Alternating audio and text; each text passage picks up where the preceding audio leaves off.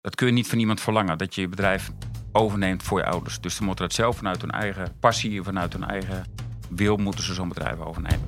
Er wordt in ieder geval gezegd dat ze eerst dadelijk uh, piekbelasters gaan aanwijzen. We hebben geen idee of wij uh, wel of geen piekbelasters zijn in, in de ogen van de overheid. Ik denk dat we best veel doen aan reductie. Het zijn gewoon nog ontzettend veel vraagtekens. Wij als Nederlanders hebben, hè, wat al heel vaak gezegd, wel de laagste CO2-footprint uh, per liter melk ter wereld.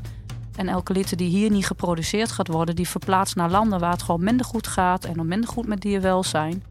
Ik denk dat wij allemaal een uh, gezonde kip in de stallen hebben zitten. En ik denk dat wij ook allemaal een gezonde kip in onze stallen willen hebben.